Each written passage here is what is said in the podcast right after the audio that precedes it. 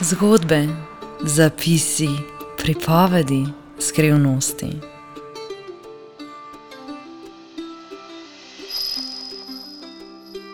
Poslušaj zapise iz dnevnika.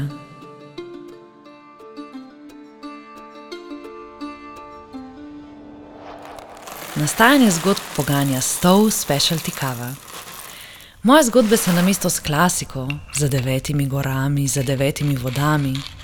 Začenjajo z vrtljajem mlinčka, brbotanjem vode v kafeteriji in frišno skodelico omamne stov kave. Pozabi na prežgano komercialno kavo, ki ni dobra niti za užep nalit. Odklikaj na stov.si in spoznaj slovenski brand z enimi najboljših kav v Evropi. S tabo na majku in v tvojih ušesih sem živa. Naj te današnji zapis objame in te pripelje bližje k sebi. Uživaj v zgodbi.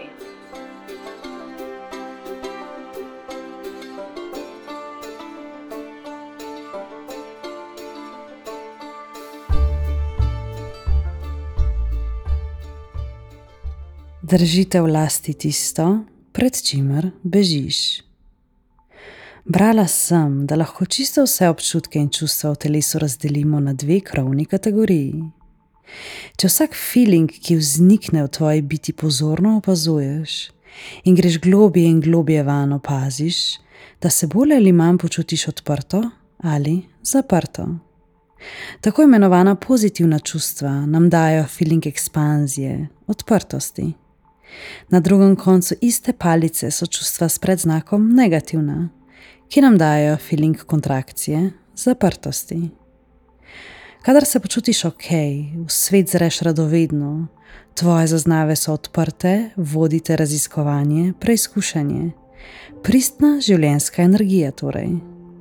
Kadar nisi ok, se skrčiš, zakrčiš kot prsti na mrazu. Vodite strah, želiš si umika, ne počutiš se varno in deluješ bolj iz preživetvenih mehanizmov. Povprečna odrasla oseba naj bi dnevno sprejela 35 tisoč odločitev. Holy fuck, to je čisto preveč, da bi jih zmogli sprocesirati razumsko in na nivoju zavesti. Večina se jih torej odvija nezavedno, in vsaka izmed njih je sprejeta kot enostaven klik na stikalo, v temi ali s prežgano lučjo, iz kontrakcije ali ekspanzije, iz strahu ali radovednosti.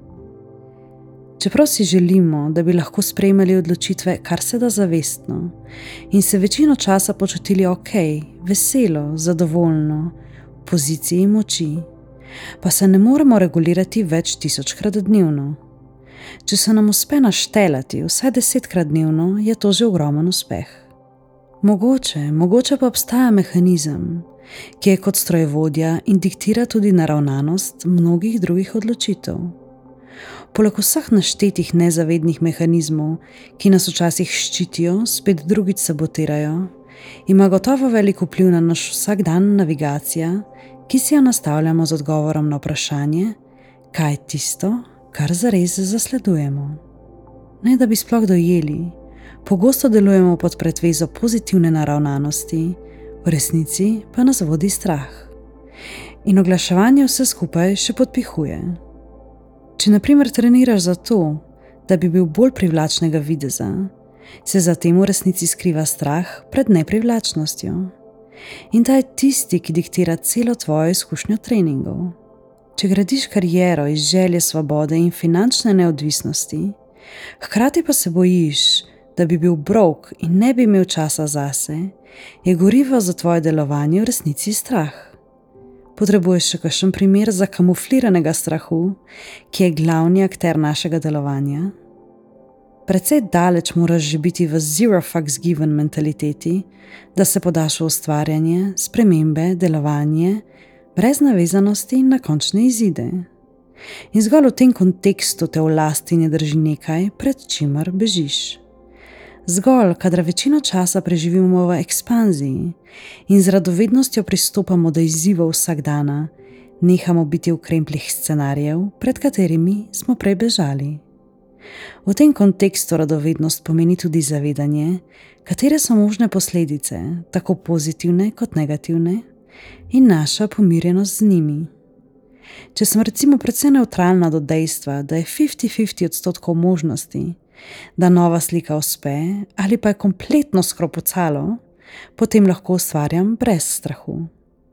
Seveda so v naših vsakdanjih življenjih tveganja večja kot zgolj en neuporaben kanvas, a mentaliteta vendarle ostaja podobna. Če sprejmaš odločitve in se lotevaš ustvarjanja iz stanja radovednosti, ker si pripravljen sprejeti vse, kar pride v paketu, te ne bo vodil strah. Če pa se bojiš, da bi se zgodilo ravno obratno od tistega, kar zasleduješ, te v resnici drži v lasti ravno to, od česar bežiš. Torej, be careful what you wish for, cause you just might get it. Ta notranja naravnanost determinira naše celotno bivanje in izkušanje. Še vedno se vsak mesec sprašujem, z katerega mesta počnem nekatere stvari. Vsakič, ko se odločam za karjerni premik ali nov izziv, vrednotim, kakšen je sistem v ozadju kateri mehanizem je v igri. Sem si zamislila nov projekt, kjer bi rada po poti spoznala dele sebe in nekaj delila z ljudmi, ali ker imam preganjavico, da že skrajni čas, da dam nekaj od sebe. Trikrat popravljam zgodbo, ker meni nekaj ne štima, ali ker v zadju sedi stric perfekcionist, ki klati same neumnosti o tem, kako bodo na pripoved gledali drugi. Dolga je pot spuščanja vsega, kar nas drži v lasti. In ni nujno, da bomo kdaj sploh prispeli na ta wannabe cilj. Lahko pa se vsak dan opazuješ, s kakšnim narativom pod površjem se lotevaš stvari. To je bil današnji zapis iz dnevnika. Naj te v nov dan pospremi zavedanje, da si na pravi poti in da življenje vedno poskrbi za te. Naj s teboj korakajo pogum, milina, kreativa in mirna prisotnost. Maš to, sam greš. Več vsebin, zgodb in misli najdeš na moji spletni strani giaziva.si in na Instagram profilu giaziva. Frišne zapise ti dostavljam tudi v inbox, na novičke pa se lahko prijaviš na moji spletki. Montažo podcasta je uredil Jurek Klišnik. Se bereva in pogovarjava spet k malu. Živa.